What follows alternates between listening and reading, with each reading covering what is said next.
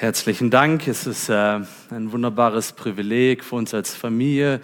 Ich spreche auch hier Namen meiner Frau, einfach hier zu sein. Wir haben uns jetzt die letzten Tage richtig darauf gefreut, ein Teil des Gottesdienstes mit euch zu sein, mit euch, ja, das Wort Gottes zu hören, Gott anzubeten mit unseren Stimmen. Und ich bringe natürlich auch, wie schon zuvor gesagt, ganz, ganz liebe Grüße von den Geschwistern aus der Gnadengemeinde mit. Wir sind im Herrn verbunden. Und dazu passt eine Frage. Was war am 16.10.2011 hier in der Bibelgemeinde? Es ist schon ein bisschen länger her, es sind genau elf Jahre. Was war vor elf Jahren? Ähm, ich möchte euch nicht weit auf die Folter spannen. Es war die erste Predigt von Thomas Westermann. Thomas Westermann ist mein Ältester. Er ist der Bruder von Daniel Westermann, für die, die ihn nicht kennen. Und genau in elf Jahren darf ich hier stehen und meine erste Predigt hier halten. Ich bin ein Beschenkter im Herrn Jesus Christus und ich bin durch euch beschenkt. Ich habe hier gesessen. Ich habe eure Liebe empfangen. Ich wurde hier unterwiesen. Ich durfte verstehen, was es bedeutet, verbindlich zu einer Gemeinde zu gehören. Und jetzt, und jetzt habe ich die Möglichkeit, hier zu stehen und euch das Wort Gottes zu bringen. Vergib mir, es ist ein emotionaler Moment für mich. Ein Moment, der mich zutiefst bewegt. Und ich bin dankbar und Vielleicht könnt ihr es abschätzen, wie ich mich gerade im Inneren fühle. Und ich möchte euch genau diese Liebe und all das Gute, was ihr mir gegeben habt, heute wieder euch geben. Deshalb gönnt mir kurz die Stille, dass sie mich oder dass wir uns darauf vorbereiten können, auf die Predigt. Und lasst mich beten. Himmlischer Vater ist es wahr. Getrennt von dir können wir nichts. Jesus Christus. Wir sind mit dir verbunden. Wir brauchen dich. Wir sind abhängig von dir. Jeder Einzelne, aber auch wir als Gemeinde, Herr. Und ich möchte dich bitten, Herr, dass, ja, dass ich in den Hintergrund stehe und dass dein Wort die Aufmerksamkeit bekommt, dass du geehrt wirst durch meine Lippen. Und möge ich an diesem Tag für treu erfunden werden, wenn ich dein Wort predige, Herr. Lass mich ein guter Botschafter sein, ein Botschafter deines Wortes. Und mögest du meine geliebten Geschwister der Bibelgemeinde stärken. Mögest du sie bewahren und mögest du sie reichlich segnen. Amen. Vorsorge ist besser als Nachsorge. Wer kennt ihn nicht, diesen berühmten Spruch? Und ein wichtiger Teil der Vorsage sind, oder der Vorsorge sind Gesundheitschecks. Mit Hilfe dieser Untersuchung wird der allgemeine medizinische Gesundheitsstand ermittelt. Das Ziel ist es, schwerwiegende Krankheit so früh wie möglich zu ermitteln, um dann die passenden Gegenmaßnahmen einzuleiten. Stell dir vor, eine Person ohne jeglich medizinische Vorkenntnisse würde so ein Gesundheitscheck anbieten. Würdest du das Angebot annehmen? Ich denke nicht. Wenn es um die körperliche Gesundheit geht, können wir uns Fehldiagnosen und eine falsche Behandlung nicht erlauben. Deshalb möchte ich gerne die folgende Frage stellen. Können wir uns Fehldiagnosen in Bezug auf die Gemeinde Gottes erlauben? Und welche Instanz, wer, wer hat das Recht, und das nötige Wissen zu sagen, ab wann eine lokale Gemeinde gesund ist und ab wann nicht. Dir reicht es doch auch nicht zu wissen, dass du einen Puls hast Und wenn du keinen Puls hättest, würdest du diese Frage gar nicht stellen. Du brauchst einen Fachkundigen, der deine Werte richtig einschätzen kann. Und nur Gott allein, nur Gott allein vermag es zu sagen, was seine Gemeinde braucht. Er hat die nötige Qualifikation zu sagen, ab wann eine Gemeinde vital ist und ab wann nicht. Deshalb lasst uns lieber auf Gott hören, auf Gott, den Erfinder der Gemeinde, anstatt anstatt auf Marketing-Spezialisten und der Welt da draußen, die uns sagt, wie eine Gemeinde sein soll. Bruder und Schwester, möchtest du wissen, was Gott in seinem Wort zu sagen hat über die Gemeinde, das, was er uns aufgeschrieben hat? Dann lasst uns zusammen den Predigtext lesen. Ich lese aus Apostelgeschichte 2 ab Vers 42. Apostelgeschichte 2 ab Vers 42 bis Vers 47. Und da heißt es, und sie blieben beständig in der Lehre der Apostel und in der Gemeinschaft und im Brotbrechen und in den Gebeten. Es kam aber eine Furcht über alle Seelen und viele Wunder und Zeichen geschahen durch die Apostel. Alle Gläubigen waren aber beisammen und hatten alle Dinge gemeinsam. Sie verkauften die Güter und Besitztümer und verteilten sie unter alle, je nachdem einer bedürftig war. Und jeden Tag waren sie beständig und einmütig im Tempel und brachen das Brot in den Häusern, nahmen die Speise mit Frohlocken und den Einfalt des Herzens. Sie lobten Gott und waren angesehen bei dem ganzen Volk. Der Herr aber tat täglich die zur Gemeinde hinzu, die gerettet würden. Da haben wir es, das Vorbild der ersten Gemeinde. Für uns dokumentiert durch die Hand des Lukas. In den, Text, in den Textabschnitt finden wir vier vorbildliche Merkmale der ersten Gemeinde, auf die eine lebendige Gemeinde nicht verzichten kann. Vier vorbildliche Merkmale der ersten Gemeinde, auf die eine lebendige Gemeinde nicht verzichten kann. Vers 42 finden wir das Vorbild im Überblick. Gefolgt vom Vorbild im Detail ab Vers 43 bis Vers 47. Das Vorbild im Detail besteht aus vier Merkmalen. Erstens die Lehre, Vers 43. Danach Gemeinschaft, Vers 44 bis Vers 45. Als vorletztes dann Brotbrechen, Vers 46. Und zum Schluss das Gebet in Vers 47. Und wenn du schon immer mal wissen wolltest, wie es war, ein Teil der ersten Gemeinde in Jerusalem zu sein, dann hör genau zu. Der Vers 42 sagt, und sie blieben beständig in der Lehre der Apostel und in der Gemeinschaft und im Brotbrechen und in den Gebeten. Dank Lukas müssen wir nicht spekulieren. Er lässt uns nicht in Ungewissen, wie es ist, ein Teil dieser damaligen Gemeinschaft zu sein. Der Autor beantwortet diese wichtige Frage kurz und prägnant mit vier Merkmalen, die ich zuvor gelesen habe die uns auch gleichzeitig als Gliederung dienen. Die Lehre der Apostel, Gemeinschaft, Brotbrechen, also das Mahl des Herrn und Gebete. Nach diesem kurzen Überblick in Vers 42 beginnt Lukas Stück für Stück diese vorbildlichen Merkmale zu entfalten. In den Versen 43 bis 47. Der einleitende Vers beginnt und sie. Der Vers 42 beginnt und sie. Das und sie bezieht sich auf die etwa 3000 Personen aus Vers 41, die frisch zum Glauben gekommen sind.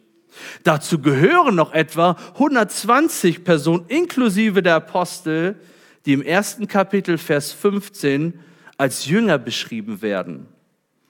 Damit haben wir einen Personenkreis von mehr als 3000 Gläubigen, die später im Vers 47 als Gemeinde bezeichnet werden. Wir wissen jetzt, wer unsere damaligen Geschwister waren. Und jetzt ist es an der Reihe, mehr über sie zu erfahren. Lukas beschreibt sie als ein Vorbild in Sachen Beständigkeit. Und sie blieben beständig. Und diese Beständigkeit übte sich auf alle Merkmale aus.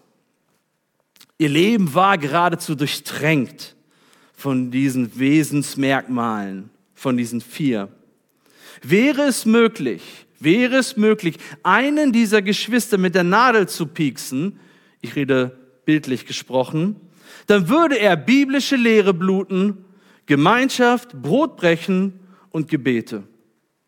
Diese Merkmale waren tief in ihn verankert. Es war ein Teil ihrer Gemeinde-DNA.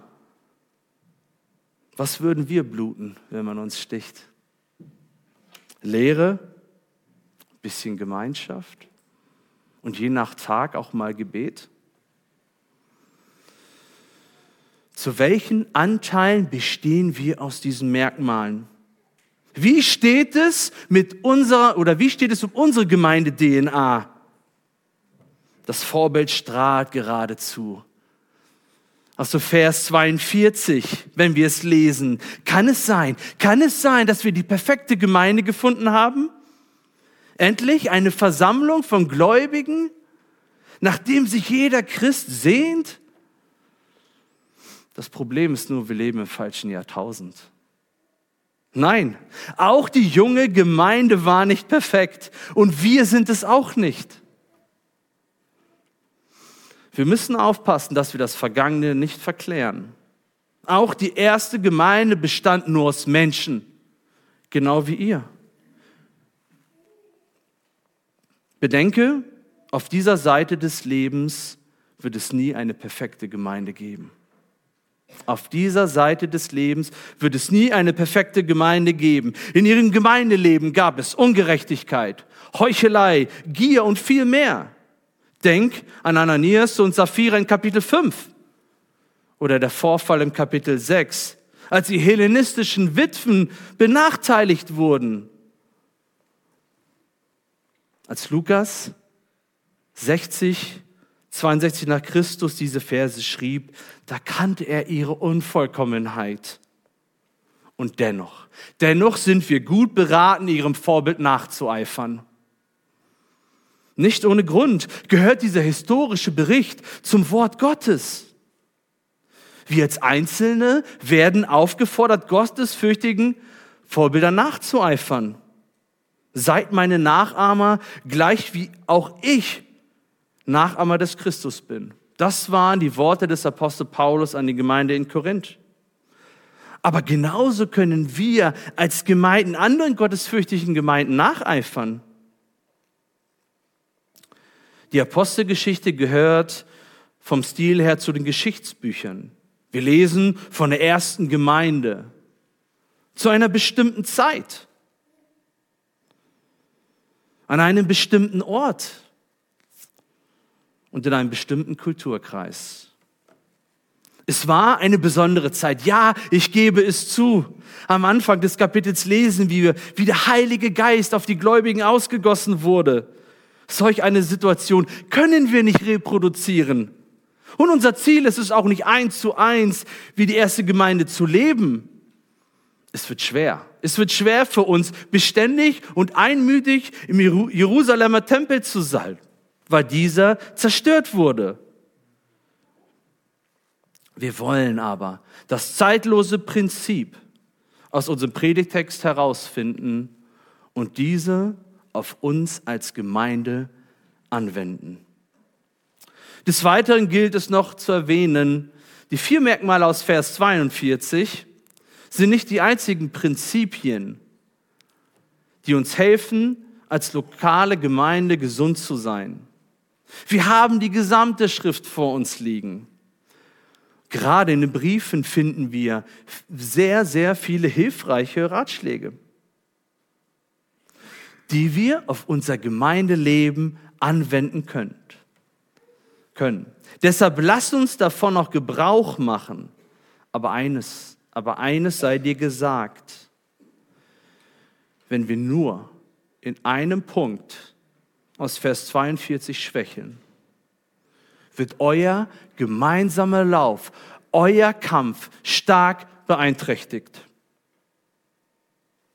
Deshalb lasst uns gut überlegen, ob wir oder ihr als Gemeinde erlauben können, einen anderen Weg einzuschlagen. Wir möchten ihre Fußstapfen folgen. Warum? Weil sie Christus nachgefolgt sind. Und ja, wir oder auch ihr als Gemeinde, ihr wird von anderen Gemeinden wahrgenommen.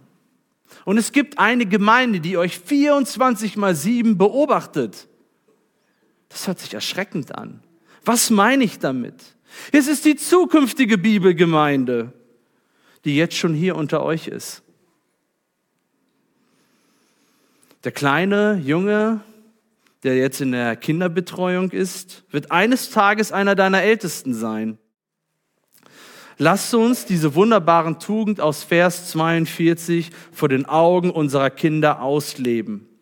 Und wir sind alle aufgerufen, dieses vorbildliche Merkmal mit Leben zu füllen. Nachdem wir uns das Vorbild im Überblick angeschaut haben, wird es Zeit, mit dem Hauptteil der Predigt zu beginnen. Wir betrachten uns jetzt das Vorbild im Detail. Das erste vorbildliche Merkmal der ersten Gemeinde, auf die eine lebendige Gemeinde nicht verzichten kann, ist die Lehre. Es ist die Lehre. Und nicht umsonst nennt Lukas die Lehre der Apostel als erstes Merkmal in Vers 42. Die Lehre hat einen wichtigen Einfluss auf alle anderen drei Merkmale. Ohne die richtige Lehre bleibt eure Gemeinschaft nur oberflächlich. Ohne die richtige Lehre endet diese wunderbare Mahlfeier in einem Götzendienst. Ohne die richtige Lehre werden wir nie verstehen, was es bedeutet, im Namen Gottes oder im Willen Gottes zu beten. Wo das Wort Gottes nicht von der Kanzel regiert, kommt es zu einem Machtvakuum.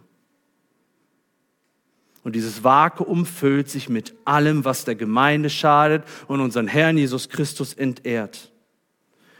Gefährliche Irrlehren, kraftloses Menschenwort oder vielleicht Bühnenshows. Die Lehre der jungen Gemeinde wurde mit den Aposteln in Verbindung gebracht. Aber für was steht die diese Lehre der Apostel, die uns in Vers 42 vorgestellt wurde. Die Apostelgeschichte ist voll von Beispielen, von Predigten, die diese genannte, eben genannte Lehre verkörpern. In einfachen Worten, sie gaben das weiter, was Christus ihnen beigebracht hat. Er hatte sie ausgebildet. Und selbst nach seiner Auferstehung nahm Christus sich Zeit, sie weiter über das Reich Gottes zu unterrichten. Apostelgeschichte 1, Vers 3. Ihre Aufgabe war es, diese offenbarte Wahrheit weiterzugeben. Und diese Wahrheit beinhaltete die Lehre über die Person Christi und sein Leben und sein Erlösungswerk. Und das, was einst die Apostel gelehrt haben, können wir heute schwarz auf weiß auf den Seiten des Neuen Testaments lesen. Das bedeutet aber nicht, dass das Alte Testament damit völlig überflüssig wurde. In den Versen 14 bis 41 lesen wir von einer mächtigen Predigt. Die Worte des Apostels Petrus trafen seine Zuhörer mitten ins Herz und auf einen Schlag wurden 3000 Seelen errettet. Er bezieht sich auf den Propheten Joel in seiner, äh, in seiner Predigt, zitiert die Psalme, er redet über den Stammvater David. Petrus klammerte das Alte Testament nicht aus. Im Gegenteil, er bezieht es mit ein. Das Neue Testament ist im Alten verhüllt, das Alte im Neuen enthüllt. Denkt an 2. Timotheus, Kapitel 3, Vers 16, da heißt es, alle Schrift ist von Gott eingegeben und nützlich zur Belehrung, zur Überführung, zur Zurechtweisung, zur Erziehung in der Gerechtigkeit, damit der Mensch Gottes ganz zubereitet sei, zu jedem guten Werk völlig ausgerüstet. Und das ist jetzt ganz wichtig. Das, was wir gleich in Vers 43 lesen werden, ist kein zusätzliches Merkmal, sondern Vers 43 ist eng mit der Lehre der Apostel verknüpft. Wir erfahren dadurch mehr von dieser Lehre. Da heißt es in Vers 43, es kam aber Furcht über alle Seelen und viele Wunder und Zeichen geschahen durch die Apostel. In Vers 43 lesen wir von Wundern und Zeichen, die mit Furcht wahrgenommen wurden. Bitte, ich bitte euch, dass keiner hier rausgeht und sagt, es gibt noch ein zusätzliches Merkmal und es sind fünf und das eine ist Zeichen und Wunder. Nein, das ist nicht der Fall und ich werde es gleich noch darlegen. Im Text finden wir die Aussage alle Seelen.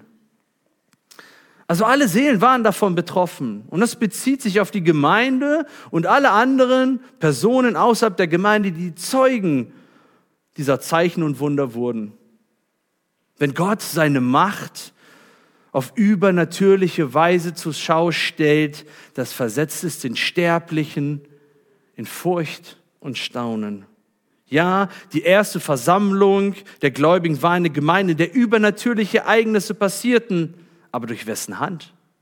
Durch wessen Hand? Wir haben es gelesen, durch die Hand der Apostel, nicht durch die Gemeinde selbst. So wie Jesus Zeichen und Wunder wirkte, um seine Autorität als Messias zu beweisen. Wir finden es auch hier in diesem Kapitel in Vers 22.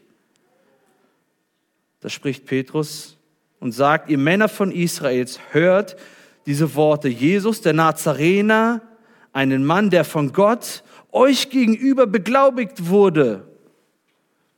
Durch Kräfte und Wunder und Zeichen, die Gott durch ihn in eurer Mitte wirkte, wie ihr euch oder wie ihr es selbst wisst.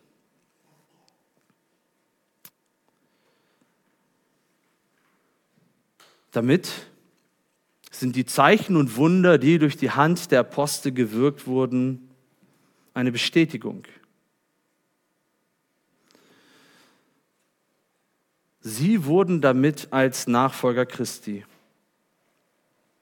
gezeigt oder bestätigt. Sie hatten eine einmalige Mission. Sie sollten mit Hilfe des Heiligen Geistes die Gemeinde ins Leben rufen.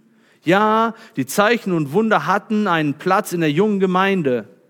Sie waren aber eng mit diesem einzigartigen Dienst der Apostel verknüpft. Und deshalb auch zeitlich begrenzt. Später lesen wir nicht mehr von Aposteln, sondern von Hirten, die, die durch die Apostel eingesetzt wurden. Aber jetzt können wir sagen, warum benötigen die Hirten heutzutage keine Zeichen und Wunder? Warum muss Daniel keine Zeichen und Wunder tun? Ganz einfach. Eure Hirten können euch mit dem, die können euch das Gesagte mit dem Wort Gottes bekräftigen. Sie können es bestätigen. Und du als Zuhörer kannst das Gesagte mit Hilfe der Bibel prüfen. Die Bibel ist komplett. Damit benötigen wir keine zusätzliche Offenbarung, die durch Wunder bestätigt werden muss. Und deshalb war die Ära der Apostel auch zeitlich begrenzt. Möge das Wort Gottes unser ständiger Begleiter sein, wie wir es im Psalm 1 lesen. Tag und Nacht wollen wir darüber nachsinnen. Und es ist eine sehr wichtige Frage. Reicht dir dieses Buch? Reicht es dir von Anfang bis Ende? Ich hoffe ja, weil das ist die einzige Quelle der Wahrheit. Und das Wort Gottes ist die größte Instanz.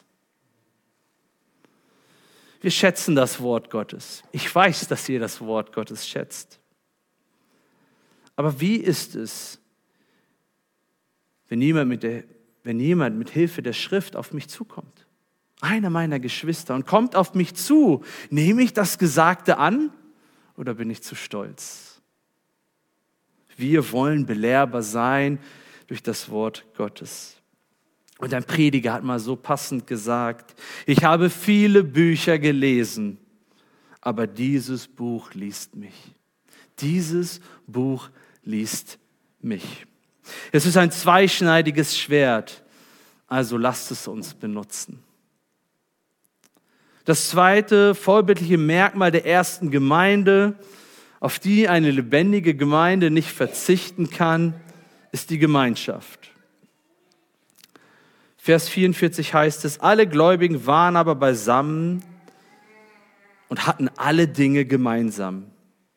Sie verkauften die Güter und Besitztümer und verteilten sie unter alle, je nachdem einer bedürftig war. Die Bibel kennt kein Einzelgänger Christ. Sie warnt uns sogar davor, in Hebräer 10 die eigene Gemeinschaft zu verlassen. Für die jungen Gläubigen war es das Natürlichste Welt, sich einer Gemeinde anzuschließen, um Gemeinschaft zu haben. Im Vers 42 finden wir das Wort Gemeinschaft, was im Griechischen auch Teilhaberschaft oder auch Teilen bedeutet. Die Verse 44 bis 45 zeigen uns, wie weit ihr Verlangen nach Gemeinschaft war. Das Konzept der Gemeinschaft ist euch sicherlich bekannt. Wie gesagt, ich war ein Teil dieser Gemeinde. Wir treffen uns zu Gemeindeaktivitäten und wir treffen uns auch im Privaten. Dafür steht der Anfang im Vers 44. Im zweiten Teil des Verses heißt es, sie hatten alle Dinge gemeinsam. Sie waren sogar bereit, ihre materiellen Gegenstände zu teilen. Die ersten Gläubigen teilten nicht nur ihre Zeit, sondern auch ihre Besitztümer. Ab Vers 44b bis Vers 45 liegt der Fokus ihrer Gemeinschaft primär auf das Lindern von Nöten innerhalb ihrer Gemeinde. Und jetzt könnte die Frage aufkommen, ob die ersten Gläubigen in einer Art Kommune gelebt haben, ohne privaten Eigentum? Nein, dies lehrt der Text nicht. Sie verkauften erst dann ihre Besitztümer und teilten ihre Güter wenn es einen konkreten Grund dafür gab. Es war nicht verboten, privates Eigentum zu haben. Sie trafen sich in privaten Haushalten. Die Verse, die Verse vor dem Vers 42 fanden zur Zeit Pfingsten statt. Damals war Jerusalem voller Pilger zu dieser Zeit. Und unter den 3000 Seelen, die zu Pfingsten errettet wurden, waren nicht nur Einheimische, sondern auch auswärtige Juden. Für sie war es völlig selbstverständlich, sich der Gemeinde anzuschließen. Sie wollten mehr von der Lehre der Apostel erfahren. Als neugeborene Kinder waren sie begierig nach der unverfälschten Milch des Wortes. Sie hatten den Wunsch nach Wachstum und blieben deshalb in Jerusalem. Davon können wir ausgehen. Wie sieht es mit unserem Wunsch nach Wachstum aus? Eine wichtige Frage. Und des Weiteren können wir davon ausgehen, dass für einige Gläubige die Entscheidung, Christus nachzufolgen, zu einer sozialen Ausgrenzung führte. Es ist gut möglich, dass sie ihre Arbeit verloren haben oder ihre Familienangehörigen sie verstoßen haben.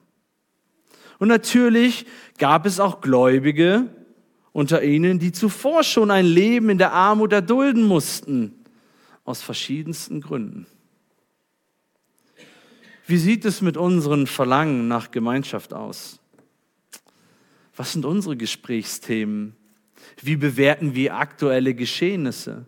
Aus der Sicht der Bibel oder aus der Sicht der Welt? Und wir in Deutschland haben eine komfortable Situation. Unser Sozialstaat fängt uns auf, wenn wir den Job verlieren oder wenn wir krank werden. Aber was ist, wenn die Zeiten sich ändern? Sind wir bereit? Sind wir bereit, für die finanziellen Nöte unserer Geschwister zu sorgen? Lass es uns nicht vergessen. Für den Großteil unserer Geschwister weltweit sind Nöte völlig real. Ja, wir Christen in Europa, in Deutschland, wir sind nicht die Norm. Wir sind die Ausnahme, wenn es darum geht, um Wohlstand. Unter euch sind Familienväter mit Kindern. Aber was ist, wenn einem Vater mal was passiert? Bist du bereit? Bist du bereit? für die Familie zu sorgen oder sie zu unterstützen mit deiner Zeit. Und wenn es nötig ist, auch mit materiellen Sachen. Lehre, Gemeinschaft, das Brotbrechen ist das dritte vorbildliche Merkmal der ersten Gemeinde, auf die eine lebendige Gemeinde nicht verzichten kann. Vers 46. Und in jeden Tag waren sie beständig und einmütig im Tempel und brachen das Brot in den Häusern, nahmen die Speise mit Frohlocken und den Einfall des Herzens. Im Vers 46 werden uns zwei Orte genannt, an denen die Junggläubigen sich trafen. Der erste Ort ist der Tempel. Wir könnten sagen, mehr in der Öffentlichkeit. Der zweite Ort waren ihre Häuser, mehr im Privaten. Aber lasst uns zuvor beantworten, was taten sie im Tempel? Sie gingen dorthin, um am öffentlichen Gebet teilzuhaben. Das finden wir in Apostelgeschichte 3, Vers 1. Und danach in Vers 11 finden wir Petrus, der im Tempel predigt. Der Tempel war ein sehr guter Ort, um zu evangelisieren um zu predigen und um Gemeinschaft miteinander zu haben. Auch in den späteren Kapiteln der Apostelgeschichte finden wir diese Muster.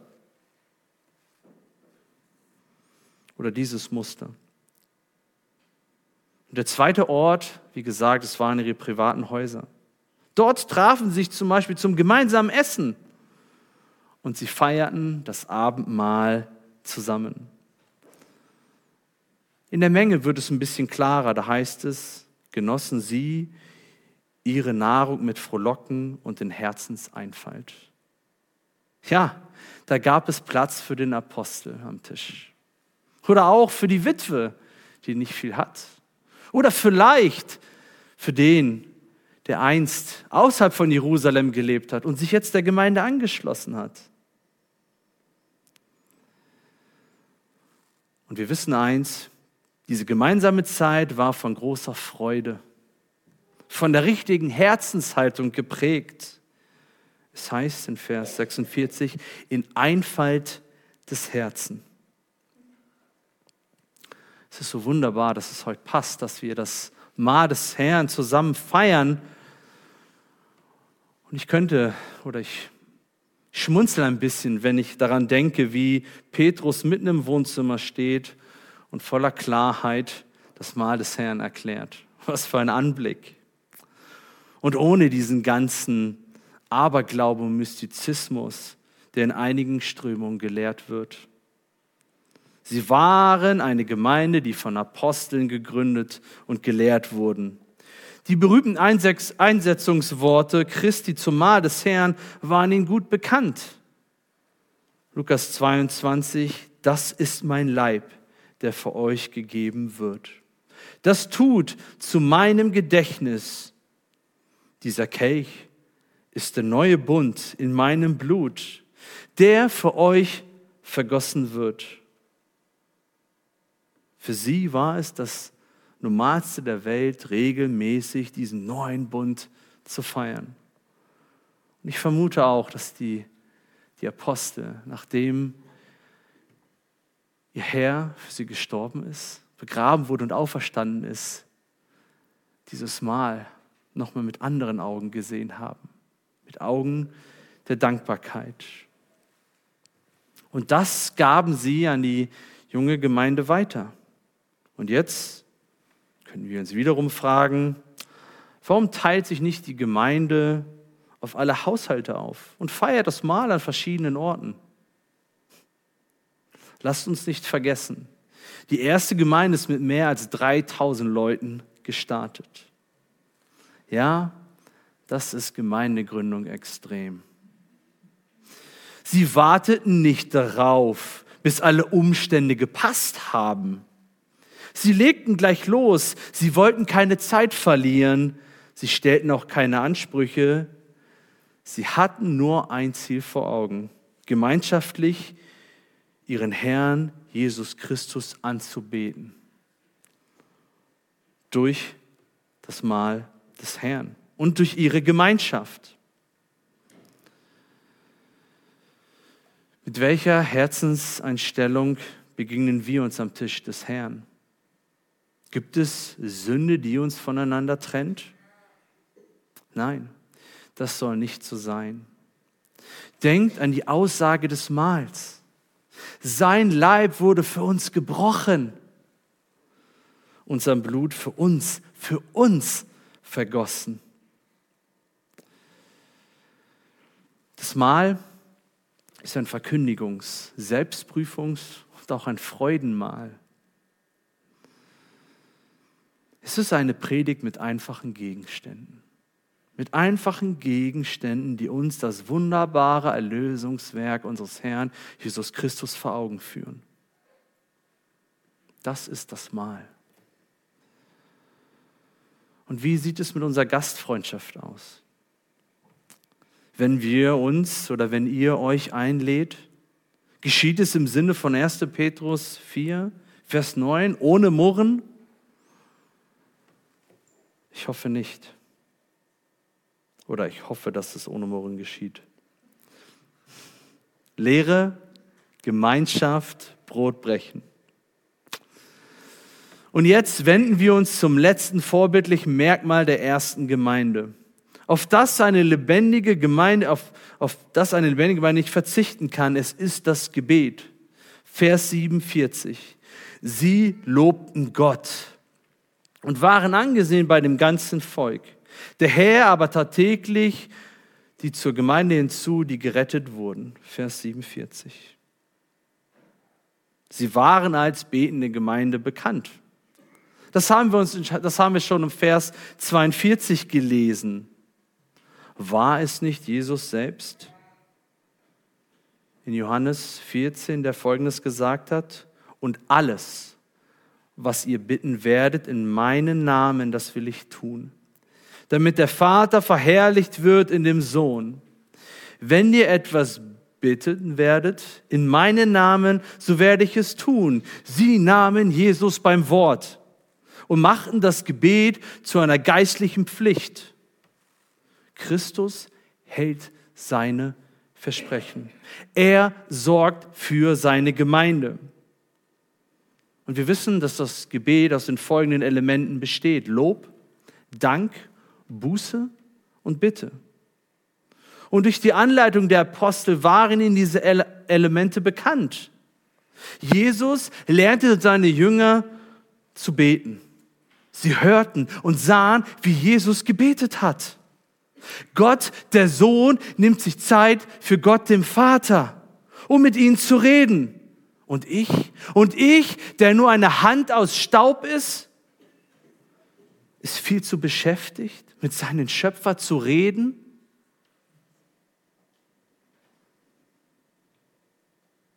Für den, für den, der mir alles in Christus geschenkt hat, habe ich keine Zeit? Lasst uns von der jungen Gemeinde lernen. Vers 47 hebt den Lob hervor. Dort heißt es, sie lobten Gott. Ja, sie hatten viele Gründe, ihren Gott zu loben. Und auch wir haben unseren Herrn gelobt. Könnt ihr euch daran erinnern, als ihr zum Glauben gekommen seid? Und ihr dankbar wart, dass der Herr eure Last von euren Schultern weggenommen hat? Die Last der Sünde? Alex, weißt du noch, wie es ist? Maria, kannst du dich daran erinnern? Und das stellt euch vor mal 3000. Sie lobten Gott. 3000 Personen lobten Gott für seine Eigenschaften und für das Wunder der Errettung, was sie erfahren haben.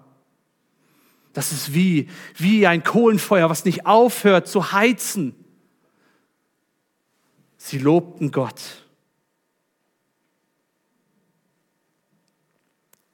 Weiter heißt es in Vers 47, dass sie angesehen waren beim ganzen Volk. Ja, wir können davon ausgehen, dass die breite Masse in Jerusalem sie schätzte. Diese Christen. Ja, am Anfang mochten sie sie. Und es ist eine Aussage, die mir weniger in den Sinn kommt, wenn ich an die Urgemeinde denke. Wir denken mehr an Verfolgung. Ja, und sie wurden bitterlich verfolgt, aber nicht zu diesem Zeitpunkt. Gott war zu diesem Zeitpunkt gnädig. Er schenkte ihnen Wohlwollen beim Volk, aber Gott war genauso gnädig, als sie verfolgt wurden. Er stand ihnen bei. Und der Schwerpunkt des Textes oder der Predigt liegt mehr auf den jungen Gläubigen, auf die Apostel oder auf die Lehre der Apostel. Aber zum Schluss, zum Abschluss des zweiten Kapitels lenkt Lukas den Blick auf Gott. Da heißt es, der Herr aber tat täglich zur Gemeinde hinzu, die gerettet werden.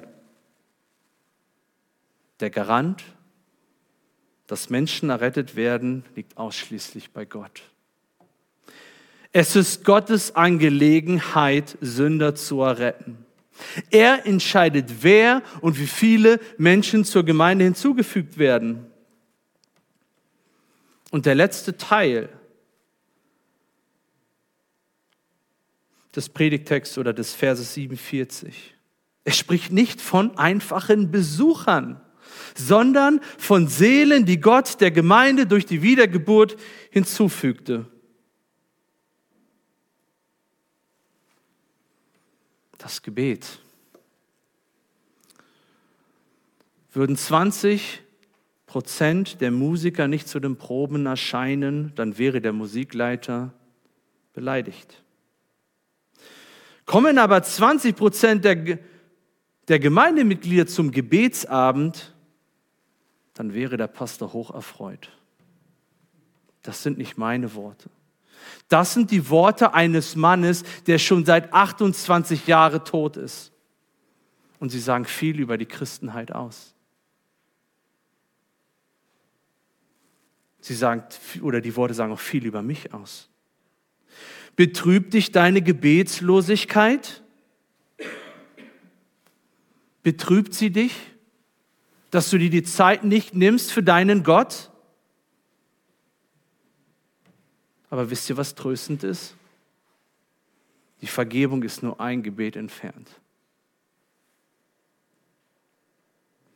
Unser eigenes privates Gebetsleben hat auch einen Einfluss auf das Gebetsleben der Gemeinde. Wir können es nicht einfach trennen. Und wie oft und wie oft haben wir unseren Geschwistern versprochen, ich werde für dich beten? Und haben wir es getan?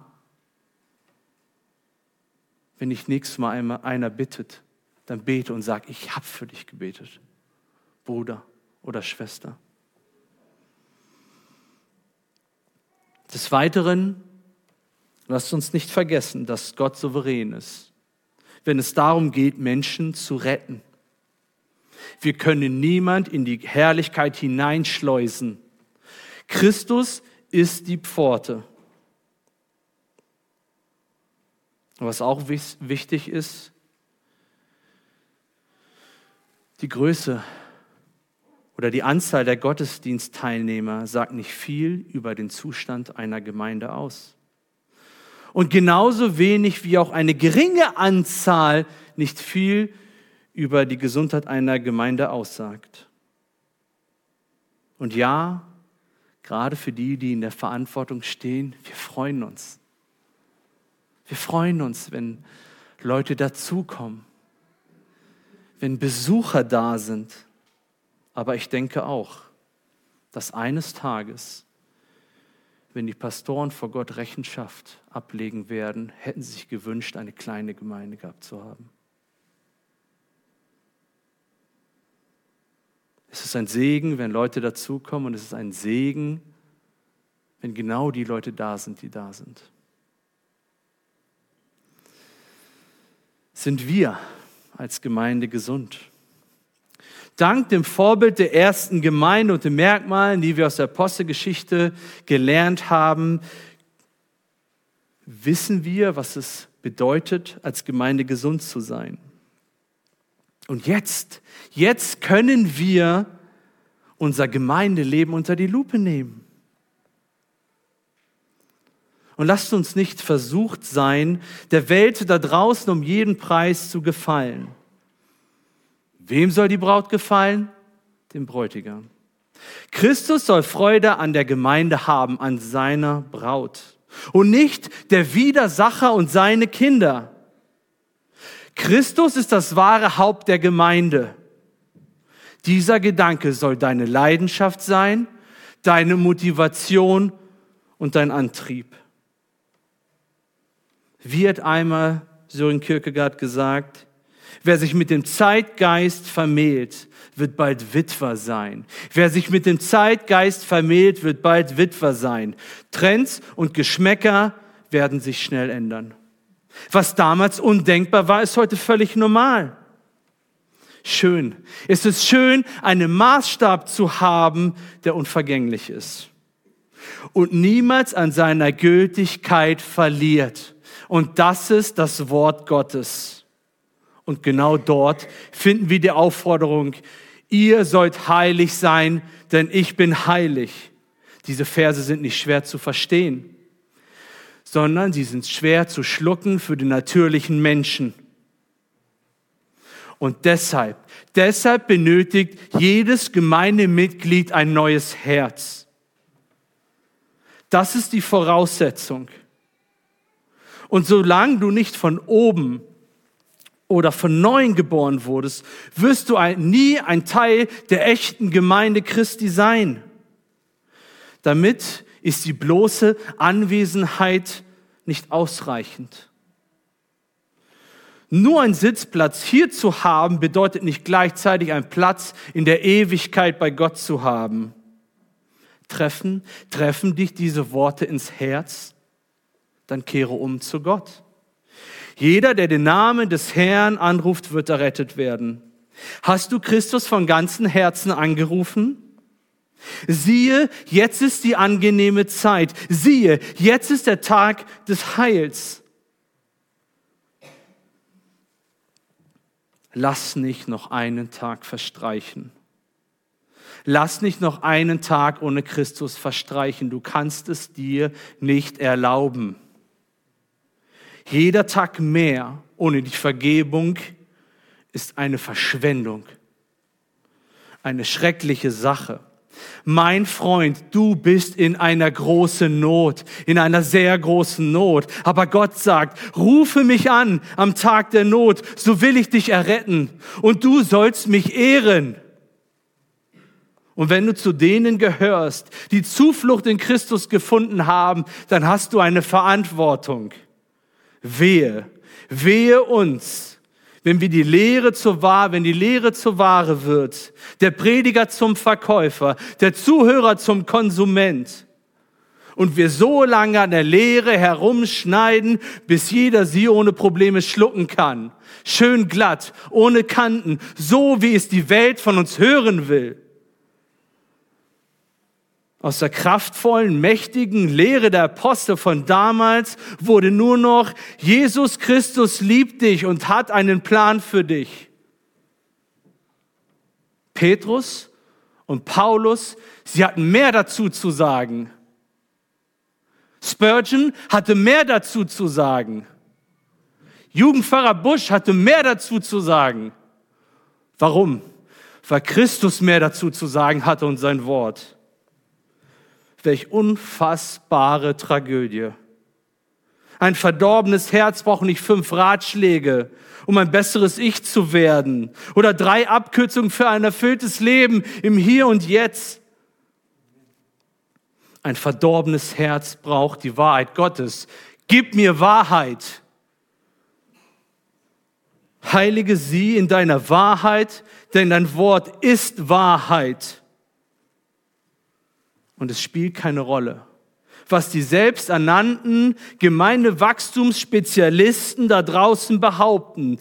Keines der heutigen genannten Merkmale hat an ihrer Gültigkeit verloren.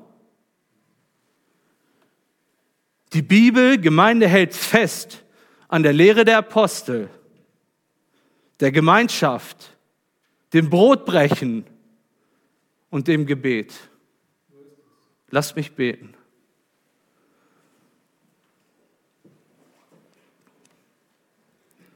Großer Gott, wir loben und preisen dich. Du bist der Erfinder deiner Gemeinde.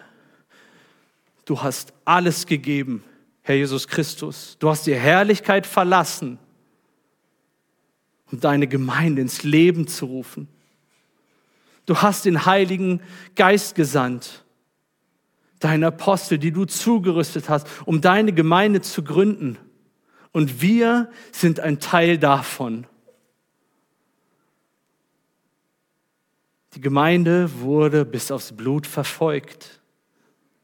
Und die, die sie einst verfolgt haben, wo sind sie? Wo sind die Reiche? Wo sind die Despoten, die Machthaber? Sie sind nicht da, aber deine Gemeinde ist da.